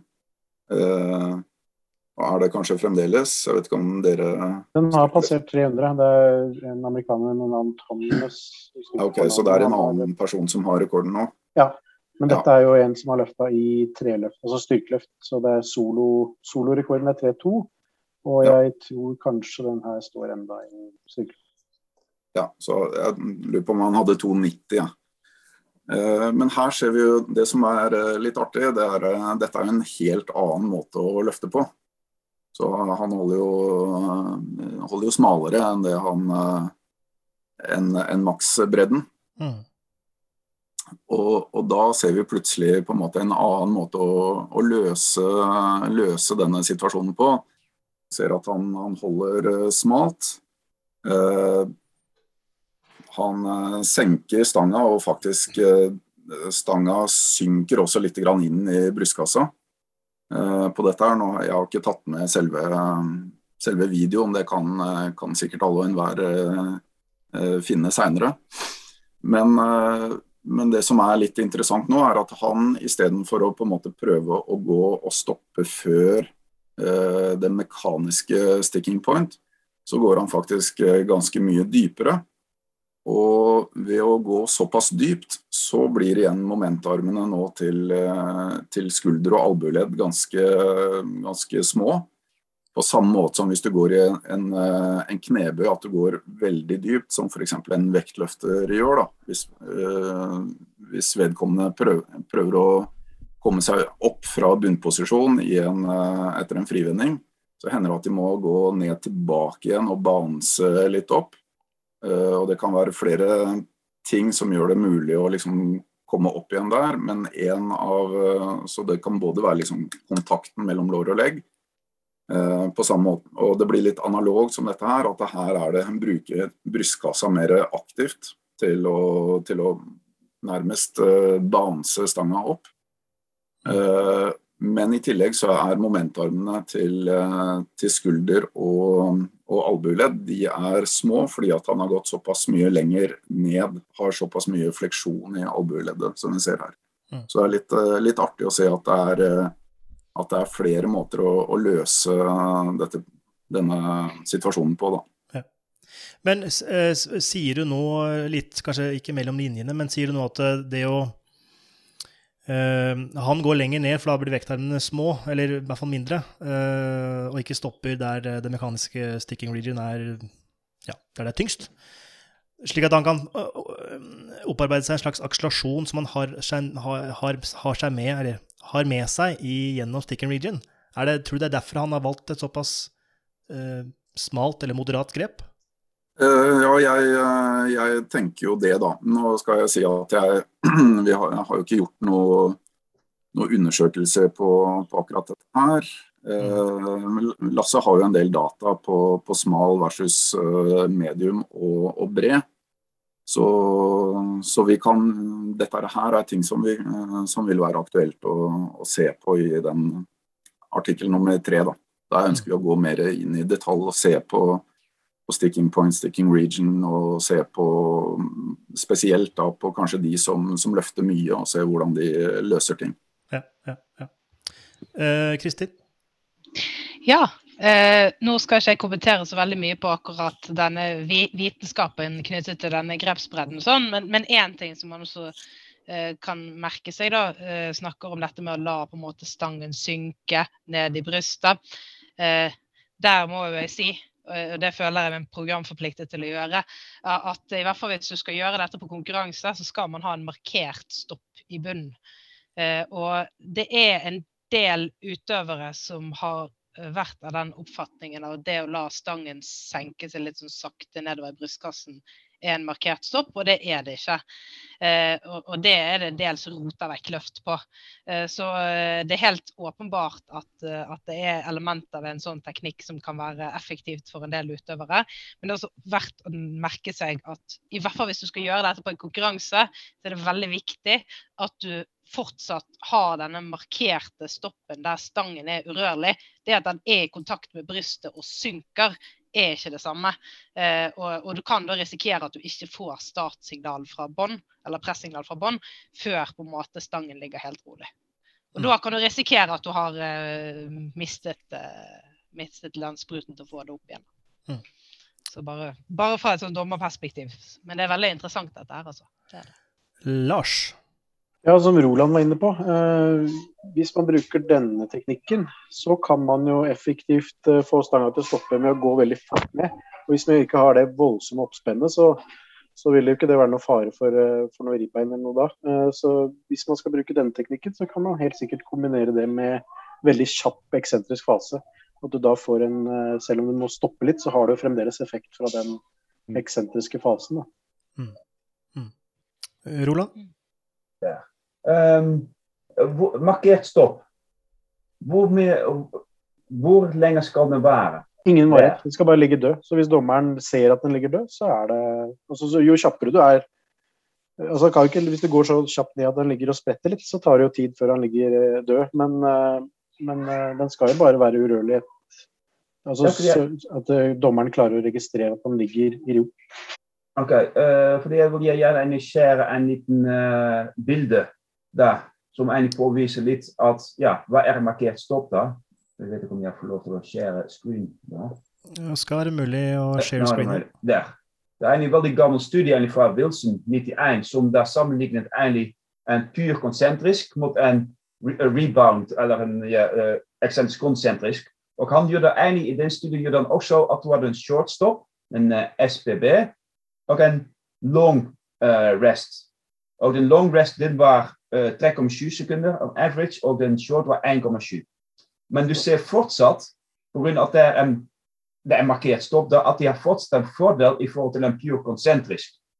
Og Det er egentlig veldig en dommer er veldig rask med å godkjenne det er markert stopp nå, eller en dommer sier nei, det må litt lenger. Og det utgjør egentlig en stor del i de første 200 millisekunder, ikke resten av løftet, for egentlig å komme forbi den stikkingvideo. Så det er egentlig veldig spennende hvordan dømmer egentlig da dommer rettferdig, eller er de, ja, er, vet noen utøvere ok, den dommer er veldig rask med å godkjenne markert stopp.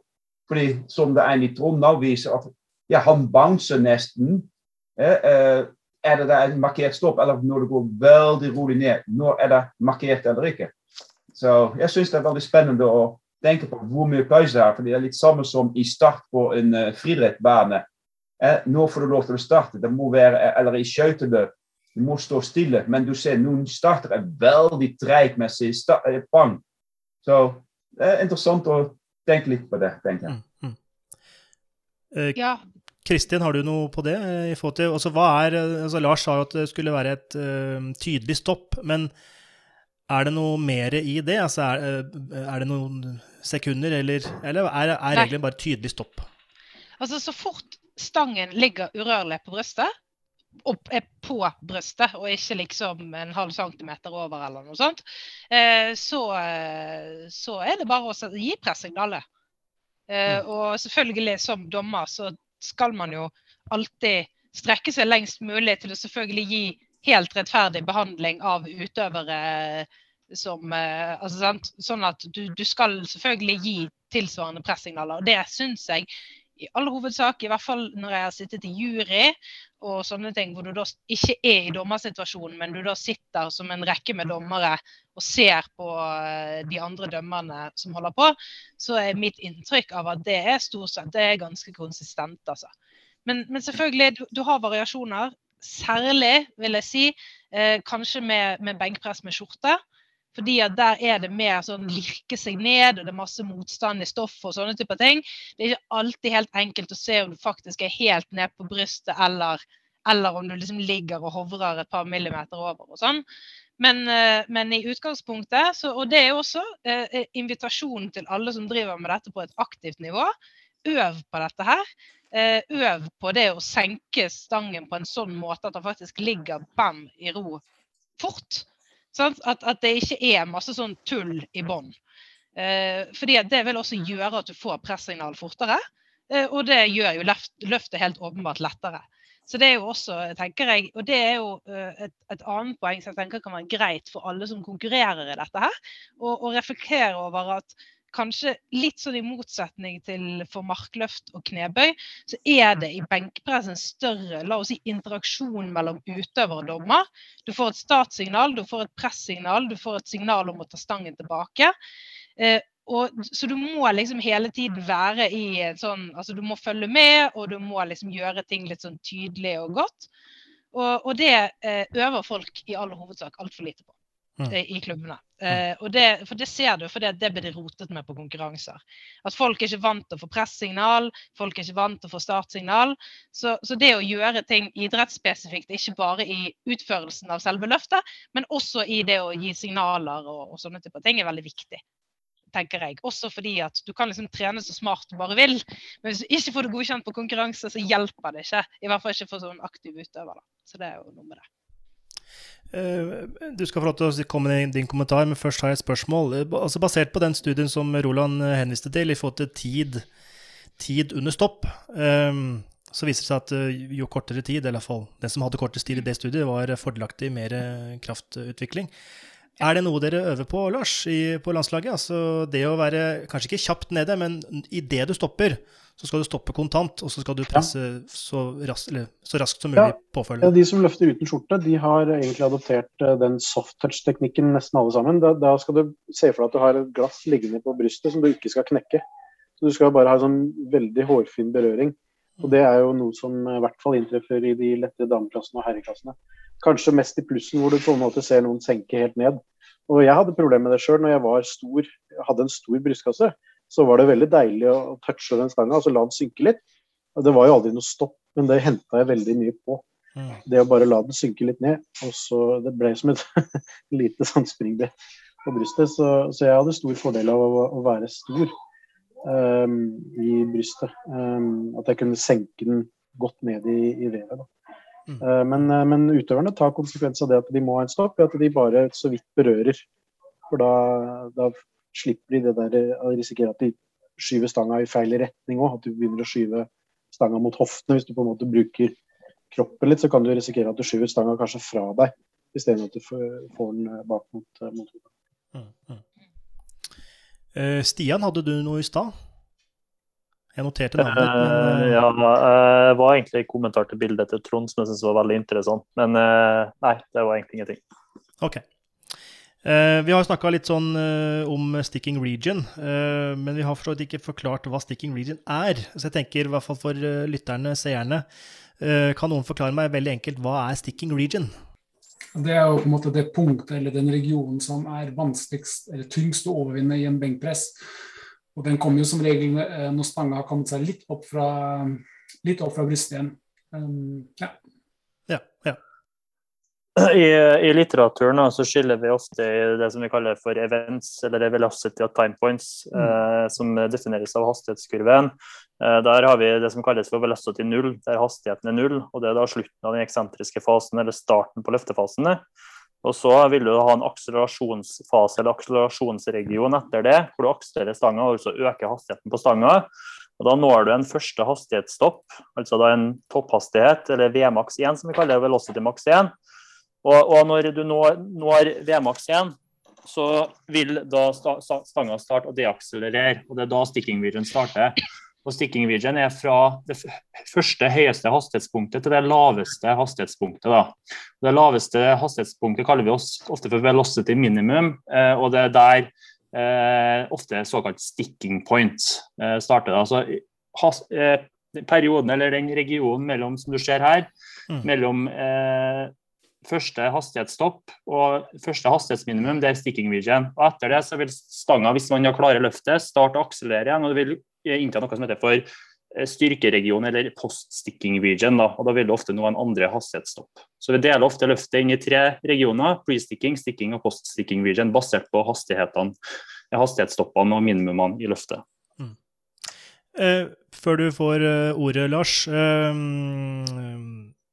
er det noe sammenheng, korrelasjon, mellom akselerasjon eller hastigheten i pre-sticking region og det å få et uh, godkjent eller successful lift? Uh, Stian? Eh, her tenker jeg jo, vi har jo, Det jo litt avhengig Hvis du tenker konkurransesituasjonen som Lars eh, var inne på, så har du den såkalt soft touch-teknikken. Og så har du jeg kaller det bare for fleskbenken, hvor du bare senker stanga langt ned i kassa. og Du har en enorm leg drive hvor du bare boom! Eh, og, jeg tror dette her er en ting, en konfiderende variabel som påvirker om det er en sterk korrelasjon eller ikke. Da, bare så det er sagt. Nå er jeg klar om det er en korrelasjon. Det var vel en studie av Winter et al. som fant at på, når du sammenligna 1 og 6RM i benk, så var det en lavere power output i pre-sticking region på 6RM-en kontra 1RM-en, tror jeg, pga. fatigue. Så det kan jo være noe i det, eh, men jeg vet ikke. Men jeg tror det påvirkes veldig av teknikken. Tror jeg. At en softtouch sånn hypotetisk vil kanskje være litt tyngre i bunnposisjon, pga. at du må faktisk du får ikke den eh, legdriven i like stor grad som du får eh, med en såkalt fleskbenk, eller hvor du bare senker stanga ned i ja, Som er min favoritteknikk, da, for så vidt, personlig. Lars? Det er egentlig bare spørsmål til eh, de som har jobba med litt andre typer idrettsutøvere, og den kurven vi så på når vi så på det, the acceleration phase. For uh, jeg har personlig aldri brukt ballistiske benkpress, men uh, Eh, den benkteknikken som Roland var inne på, den vil jo kanskje gjøre at den deceleration phase blir kortere også. Men er det noen av dere som har brukt ballistisk ballistiske benkpress eh, for type kastutøvere eller lignende? Med, bare for å klargjøre, med ballistisk mener du da å kaste stanga, eller mener du ja. eksplosiv konsentrisk utførelse? Enten i snittmaskin eller at du har en partner som tar imot. Eller, riktig. riktig, ja. Noen som har brukt det, eller har noen ja, aspekter på det? Um, vi, har, vi, har, vi har testet med uh, 40% of, uh, of rem of 50 og 76. Fordi lavvekter, daar fikk de lov å kaste in. Fordi vi wil unngå at die bremsen al for tidlig. Eh, men daar hadden we toen spotters aan som skulle vangen op voor we på sikre side. Men uh, ah, der hadden we stikken. Det leed het erin. uh, so, men ellers ja, ik gjort ellers uh, virkelig ballistisk uh, der. Men hos oss er de fleste studier som det ikke markert stopp. Så de har uansett litt ballistisk. Uh, men på de uh, tunge vekter der er ikke mye ballistisk mer. De, det er så fort som mulig ned, men du kan ikke gå veldig fort ned, for du, vil ikke, for ikke lov til å ha en skikkelig bounce. Så Det prøver vi å kontrollere for. At du ikke har skikkelig bounce for å sprette den opp. Så. Jeg bare lurer på om det, er, om det er noen som uh, tenker at det går an å på en måte minimere den deceleration phase, som jeg tenker kanskje ikke er så uh, Det er kanskje ikke den effekten man ønsker å ha. Om, det, om den blir mindre hvis man har den hofteløftet. da. Uh, jeg vet ikke om det kunne vært interessant å sammenligne benkpress med ikke nødvendigvis med stopp, men at du har rumpa i benken og en som du har lov til å ha det hoftetilslaget, og se om det påvirker ja, er den, ide, ja, den ideelle utøver for deg. Fordi jeg, hvis det blir tungt og jeg vil gjerne løfte den, vil jeg den gjerne ha det hofte fra. Og derfor min følelse, følelse er lettere. Og det tror jeg, men det er bare en, en følelse. At det er pga. at jeg kan bruke magemuskler mye mer. Og på den måten har kanskje en litt mer spenn som sørger for Men jeg tør ikke si, men det er interessant å undersøke det også. Få lov til å ha hofte fra benken eller ikke. Om det da utgjør en forskjell i hele kinematikken. Fordi egentlig bare går samme vei. Men jeg merker at det er for meg, hvis det er skikkelig tungt og jeg får lov til å jukse litt, da vil jeg gjerne ha hofte fra, fra benken. eh, Trond? Ja, det, vi er vel mange som gjerne ønsker å ha rumpa litt opp fra, fra benken når vi løfter. Det, det hjelper. Men uh, må bare passe på å ikke bli sett, da. Pass på at ikke Kristin er i nærheten, i hvert fall. ikke sant.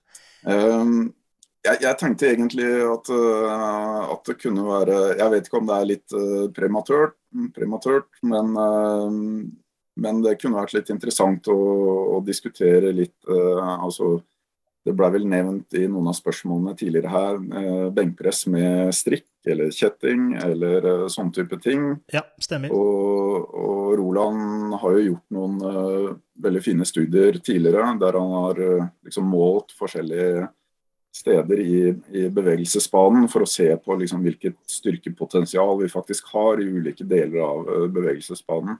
Mm. Som, ja, som, er illustrerende da, og viser at vi, vi har veldig mye, mye kraft på, på, slutten, de fleste av oss, i en, uh, en benkpress. Ik ikke jeg, der, der, er jeg veldig dårlig på topposisjon, men mm. mange har, har det. Og det, det, har også litt konsekvenser i forhold til si, treningseffekt man får ut av en, en benkpressøvelse. Så, så, det kan vi kan eventuelt gå inn på den diskusjonen hvis det er interessant. Absolutt. Uh, og det blir jo i spørsmålet fra en, en, følger, så blir jo slingshot, drakt Ram blir nevnt. Jeg er litt usikker på hva, hva ram er, men det er kanskje noe folk vet hva er. Ja, det er samme sak. Det er samme prinsippet som en, som en slingshot. Ja. Og dette med Jeg antar også dette med elastiske bånd, eller strikk, treningsstrikk, eh, drakt, også kjetting. Alt går vel inn under variabel motstand, og det er vel kanskje det spørsmålet omhandler. Jeg vet ikke om du vil innlede litt, Roland, hva variabel motstand er for noe? Eh, vi har gjort flere studier der, i samarbeid med Sogndal. Uh, de har gjort det med strikk for å se litt når de endrer det med strikk, hvordan, endrer seg strikken vision. Og da har funnet at okay, det endrer seg, så det kan hjelpe deg med å komme seg raskere ut av strikken region. Vi har gjort en studie med chains, med kjettinger. Den er ikke publisert ennå for en bachelorstudie, men jeg vil gjerne innenfor før, før høstens og er om, vil jeg gjerne skrive den om at den blir publisert. Og det, det hadde de, hvor du har 75 av én rem på bunnen eller på toppen. Hvordan, hvordan utgjør dette på sticking beach? Du ser veldig tydelig den, den varierer da. Ja, og vi har også gjort studier med, uh, med eksentrisk overload. Ja, vi hadde én studie med 95 ned, 85 opp. For vi trodde da på potentiation at du på den måten får en bedre uh, 85 oppover, men der fant vi ingenting. Så de nye studie som er uh, Je kan vise, tror jeg, en uh, Hvis jeg har den riktige Ja. Uh, jeg må skjære den. en på 110 nedover, og den 95 oppover. Ja, det er med weight releasers. Og da Jeg må se om det er den. Og da så vi egentlig her på muskelaktivering fordi vi trodde når du har mer vekt nedover, at du da får mer potentiation, mer aktive muskler, og dermed kunne hjelpe med å få raskere gå gjennom sticking region. Og vi så her da, ok, det stemmer da at triceps uh, er mer aktivt. Det er de stiplete som er det eccentric overload uh, i forsøk 1 og 2. Og det samme med pectoralis i forsøk 2. Men ulempe var, og den skal vi se her Hvis du ser på resultater, de med eccentric overload, die haren lager ved uh, maximaal, uh, maximaal hastigheid ook de min. Zo die er meer stukt in de sticking region. Kan være at we hadden bare noen få familiarization sessions, jeg tror en eller to. Og jeg tror vi trenger litt mer trening, for jeg, jeg var selv også forsøksperson på den. Og jeg, jeg trente litt mer på det, men det er vanskelig når det er rate releases. det er litt de ubalanse der som kanskje kan utgjøre den forskjellen her, at det derfor ikke får det bedre presisjon. Men vi tror eller egentlig kan du se de uh, muskelaktiveringen, at du har høyere starten. Ja, spesielt i tray sticking på triceps og på pectoralis, som kunne kanskje hjelpe deg med å få løfte mer. Men jeg tror vi må gjøre det på skikkelig styrkeløfter, at de har skikkelig mange feminization sessions. Og da Forhåpentligvis hjelper det, men her ser det ut at, det, at de er mer trøtt. At de er mer sliten, de utøvere, når de gjør det med to reps. Men det er egentlig veldig spennende å se med variabel motstand. Eh, ja, det ekstra uh, extra, uh, eccentric face. At du har ekstra load på den. Jeg tror det er kanskje noe å hente der. Mm, mm. Uh, Stian? Ja, Dette syns jeg er veldig spennende Roland prater om her. da, Men i forhold til spørsmålet når det kommer til slingshot, eh, så er slingshot sånn du fester rundt armene.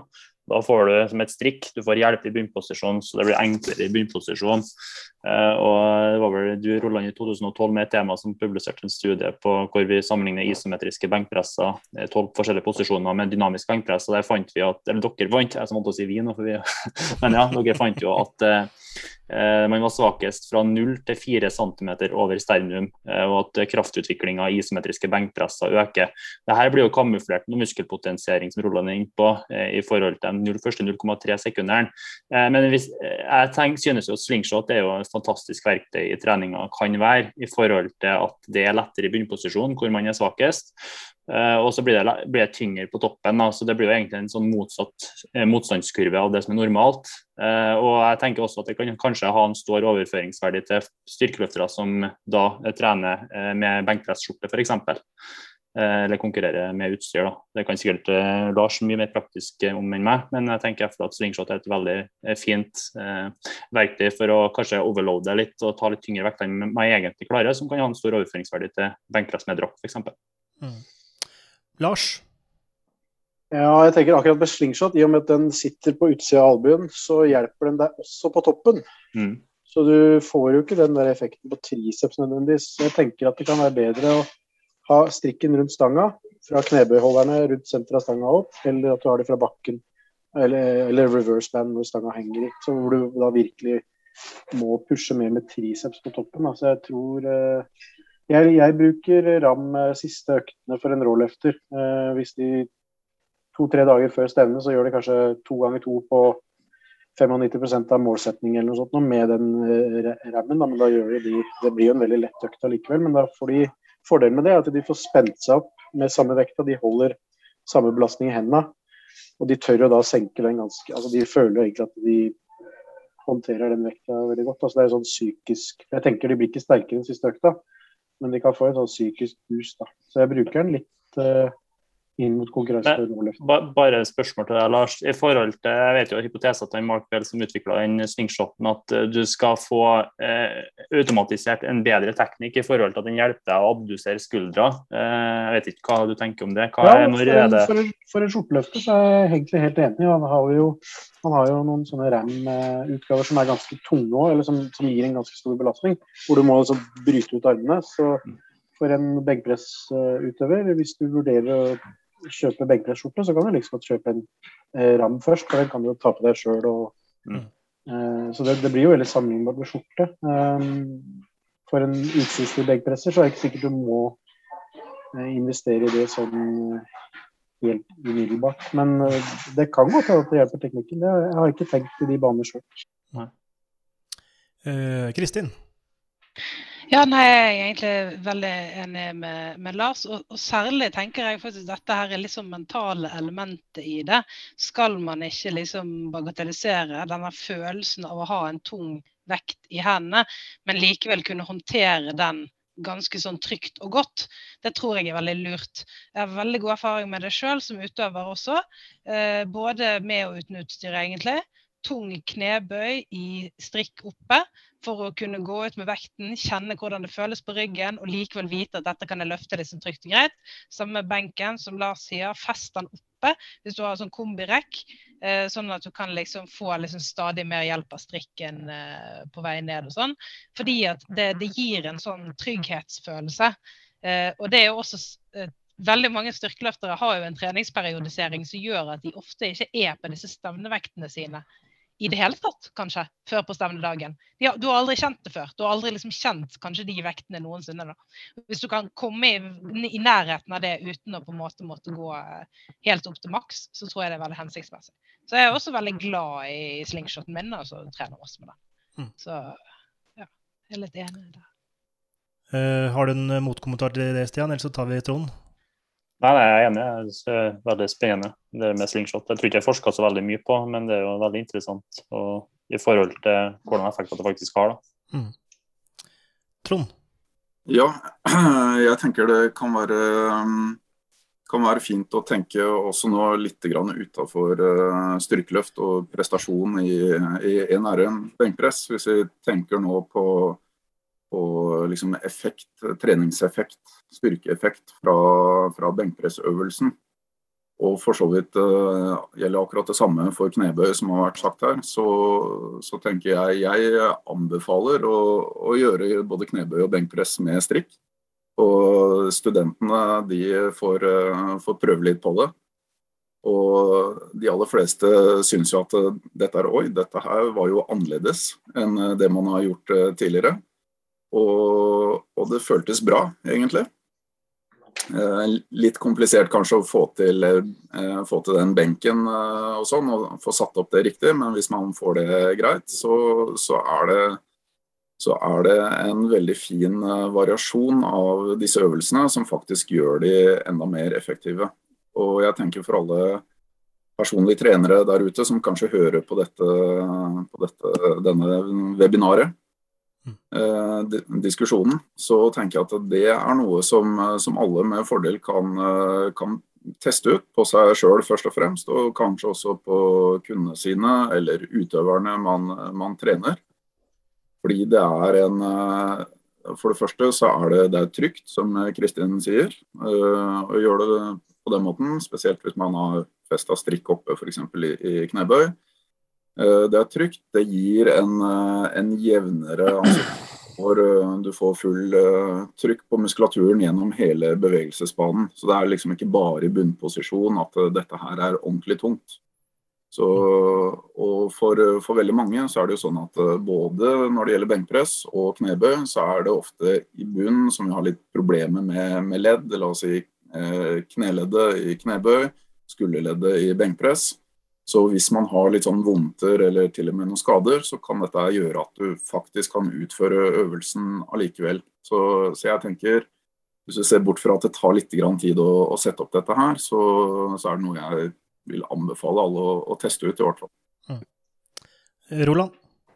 Uh, ja, uh, kom igjen. Den, hvor, hvordan vil du feste deg i strikken der? Overfra eller nedenfra? Fordi hvis vi tenker på den bildet her, die isometrische contractionen eigenlijk. Hè, som du sa er en, kanskje en avvik på den tron.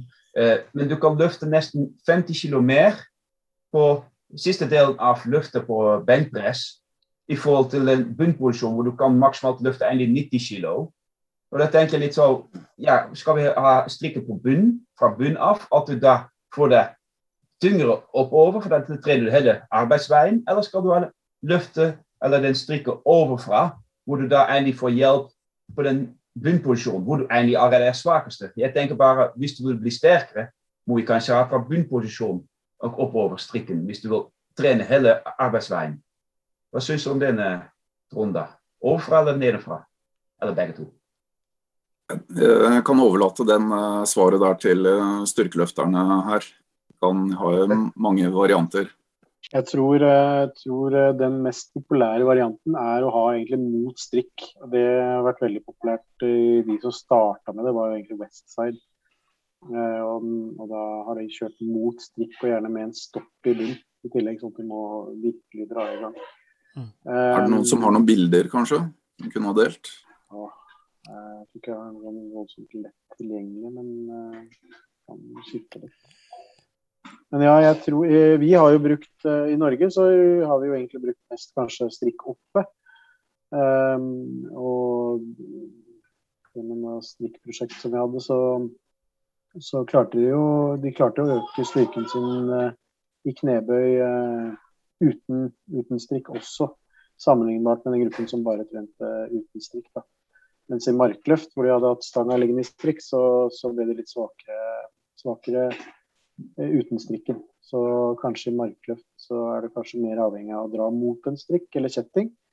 Mens i knebøy, hvor du har eh, ja, kanskje mer effekt av å ha de oppå. Det, kan, eh, det, det, som kan skje med strikk opp i knebøy, er at du blir tøffere på vei ned. Kanskje du setter deg litt dypere og at du kliner mer til i starten for å bevare farten helt opp. Jeg vet ikke. Eh, spekulasjoner. Eh, Stian? Ja. Eh, nei, det var ingenting. Eh, han sa det jeg tenkte. Hmm. Kristin? Ja, nei, altså Jeg har jo for så vidt svaret på om du skal feste den oppe eller nede. så Ikke samtidig, da, men gjerne begge deler for min del. Både min erfaring for de som jeg har trent, og de som jeg altså den erfaringen jeg har for min egen del. Det eneste som jeg har merket, er at uh, i hvert fall med markløft, dels også med knebøy, at det å feste strikk nede gir av og til eller sånn altså, en sånn gjennomføring av løftet som jeg ikke helt liker. Det blir av og til fordi at du kanskje ikke får justert strikkene sånn helt perfekt, og sånn, så blir det litt sånn luggete i løftet og sånn. Eh, så, så, eh, ikke så mye i benk, men, men i, i, bøy så har jeg kjent litt på det at du er veldig sånn sensitiv til liksom egentlig ganske små variasjoner i hvordan de strikkene er stilt. da. Så, så jeg personlig foretrekker eh, strikkene festet oppe, og kanskje kjettinger i markløft Eh, heller enn strikk. Eh, problemet er jo at eh, du har jo gjerne omgivelser der du trener, og markløft med kjetting bråker jo noe helt sånn utrolig mye. Sånn at det er liksom Det er jo ikke alltid at det er like verken nabovennlig eller gymvennlig eller sånn, da. Men, men som personlig så syns jeg det er ofte mest behagelig, da. Det handler bare om å kunne gjennomføre løftet likest mulig. Også enig i at uh, det der med at du får med bøy med strikk, at du tør å gi på litt. Og Det tror jeg også har litt med den trygghetsfølelsen. Du tenker at dette her, det, det blir lettere i bunn. Det er ikke noe stress. Dette farlige sticking pointet det trenger jeg ikke tenke på, så du bare gønner på. Ja. Trond? Ja, øh, enig i det at øh, jeg tror for de aller fleste så vil det være fordelaktig å feste strikken oppe i, i knebøy. Og jeg vet at vi diskuterer benkpress og vi skal være kort her, men jeg tror de fleste som liker benkpress, de syns også at knebøy er litt interessante. Absolutt, Eh, fordelen med å feste strikken oppe, det er at den tilfører ekstra stabilitet. Så hvis du nå eh, detter litt framover eller litt bakover, så blir du trukket inn i posisjon. Den effekten har du ikke av, av strikken som er festa nede. Og kanskje enda viktigere, med strikk festa oppe, så kan du legge på mer skiver. Det syns jeg er veldig moro. Absolutt. Eh, bare det er, det en ting til. Det er kanskje greit for alle å være klar over at effekten i utgangspunktet er, er lik da om man fester strikken nede eller oppe. Det blir tyngre mot toppen og lettere i, i bunn. Det det er, ikke alle som er eh, kanskje klar over det, mm. hvis man ikke har prøvd det før. Mm. Stian, du får siste kommentar før vi runder av denne rundbordspraten i benkpress. Ja, jeg har jo litt følelser rundt det med strikk og sånne ting. Da. Jeg personlig er jo kanskje ikke så stor fan av det. Eh, og Det handler litt om personlige erfaringer, men også det forskning viser. det er jo at F.eks. i knebøy så er man svakest i byggposisjon eh, når du fjerner strekkrefleksen. Så det å, eh, det å, ta en stopp vil jo gjøre det enklere i byggposisjon og tyngre på toppen, som Trond helt korrekt sier. Men problemet i en knebøy er jo at du er svakest i bunnen. Så det å eksempel, Jeg er mer fan av det å trene knebøy med stopp, som du faktisk eliminerer strekkrefleksen. For det vi ser i en knebøy, det er jo at eh, byposisjonen er tyngst. Eh, fremste lår blir ofte overarbeida eh, eller veldig høyt aktivert, og man får en fremoverinklinasjon pga. det her og, eh, som gjør at man får en stikkingvilje i knebøy, en stor bidragsyter til det. Eh, så jeg er veldig fan av det å trene knebøy med stopp i bunnposisjon, så du faktisk klarer du klarer ikke å jukse deg gjennom den tyngste range of motion da, i knebøyen. Men alt har jo ulike eh, det er jo ulike måter ting å gjøre ting på, og det er jo ulike eh, grunner til at man velger en øvelse kontra en annen. Men akkurat når vi kommer til knebøy, så ja, jeg er fullt enig i at strikk kan være på sin plass i enkelte tilfeller, men samtidig så tror jeg at hvis jeg skal ha valgt to øvelser, så jeg ville valgt vanlig knebøy og knebøy med stopp. Men det er sånn jeg ville gjort det. Mm. Men hva med strikk i benkpress, er du fan av det? Ja, jeg er mest mulig fan av spesifisitetsprinsippet. Gjør det enklest mulig, tren vanlig benkpress hvis du skal bli god i benkpress. Det er sånn jeg, sånn jeg er er fan av det. Men eh, det er så individuelt, og det er vanskelig å komme med klare generaliseringer pga. at folk er forskjellige, folk har eh, behov for ulike ting. Jeg har en utøver nå som bare trener crossbenk og blir kjempesterk i benkpress. Hvorfor, skjønner ikke. jeg. det er sikkert pga. at hun er svak i triceps fra før.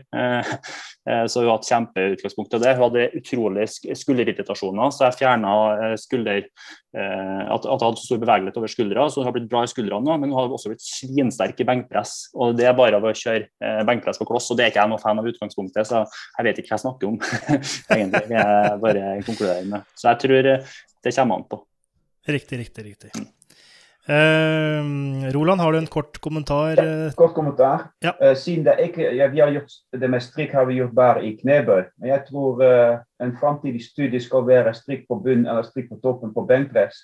Mm. Og se hvordan den påvirker egentlig muskelaktivering og hele, hele løftebanen.